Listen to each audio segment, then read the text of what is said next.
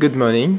Um, my name is Kabila Stefan. I'm independent curator working with uh, Livingstone Office for Contemporary Art, Waza Art Center, and I'm also co-founder of Niger Connection. I'm student in the HEMI program at um, Bergen University, uh, KMD faculty. Um, I'm working since now four years on one project titled Geometry of Desire and Archaeology of Knowledge. Um, Geometry of Desire because inspired by René Girard theory, who is um, a French philosopher. Because my background is in philosophical studies, I'm postgraduated in philosophy and an archaeology of knowledge because of uh, the important question what I'm trying to respond uh, uh, regarding this project. It's to find out how people are reflecting on different art practices in their own context.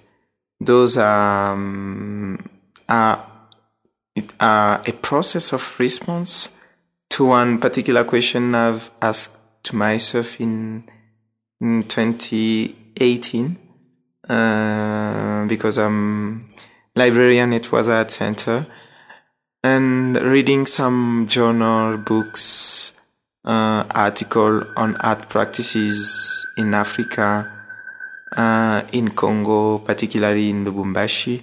In general the uh, knowledge are written by uh, Western people or are written by people who are coming far away from Congo, from Africa. And for me, it was a really uh, simple constatation. And also, those knowledge are written in a very academic way, means uh, are not more accessible for simple citizen. And I was asking to myself, how is it possible to open those knowledge how is it possible to produce uh, differently uh, knowledge on art practices and how people can reflect on? Inspired by um, Gilles Deleuze alphabet book inspired by René Girard theory uh, the mimetic theory um, I was trying to to see how to organize some discussions performance. Uh, I've started with the, the first one experience in 2018. It was at Center in the library, trying to discuss on words. It was like a job people can get in. It's a small library where we can host just four people around the table drinking something. There is that idea also of conviviality, how people can just be together and try to share knowledge. Uh, it was a an interesting experience because people was there uh, in 10 minutes which they discuss and after uh, another group can get in and discuss on others words.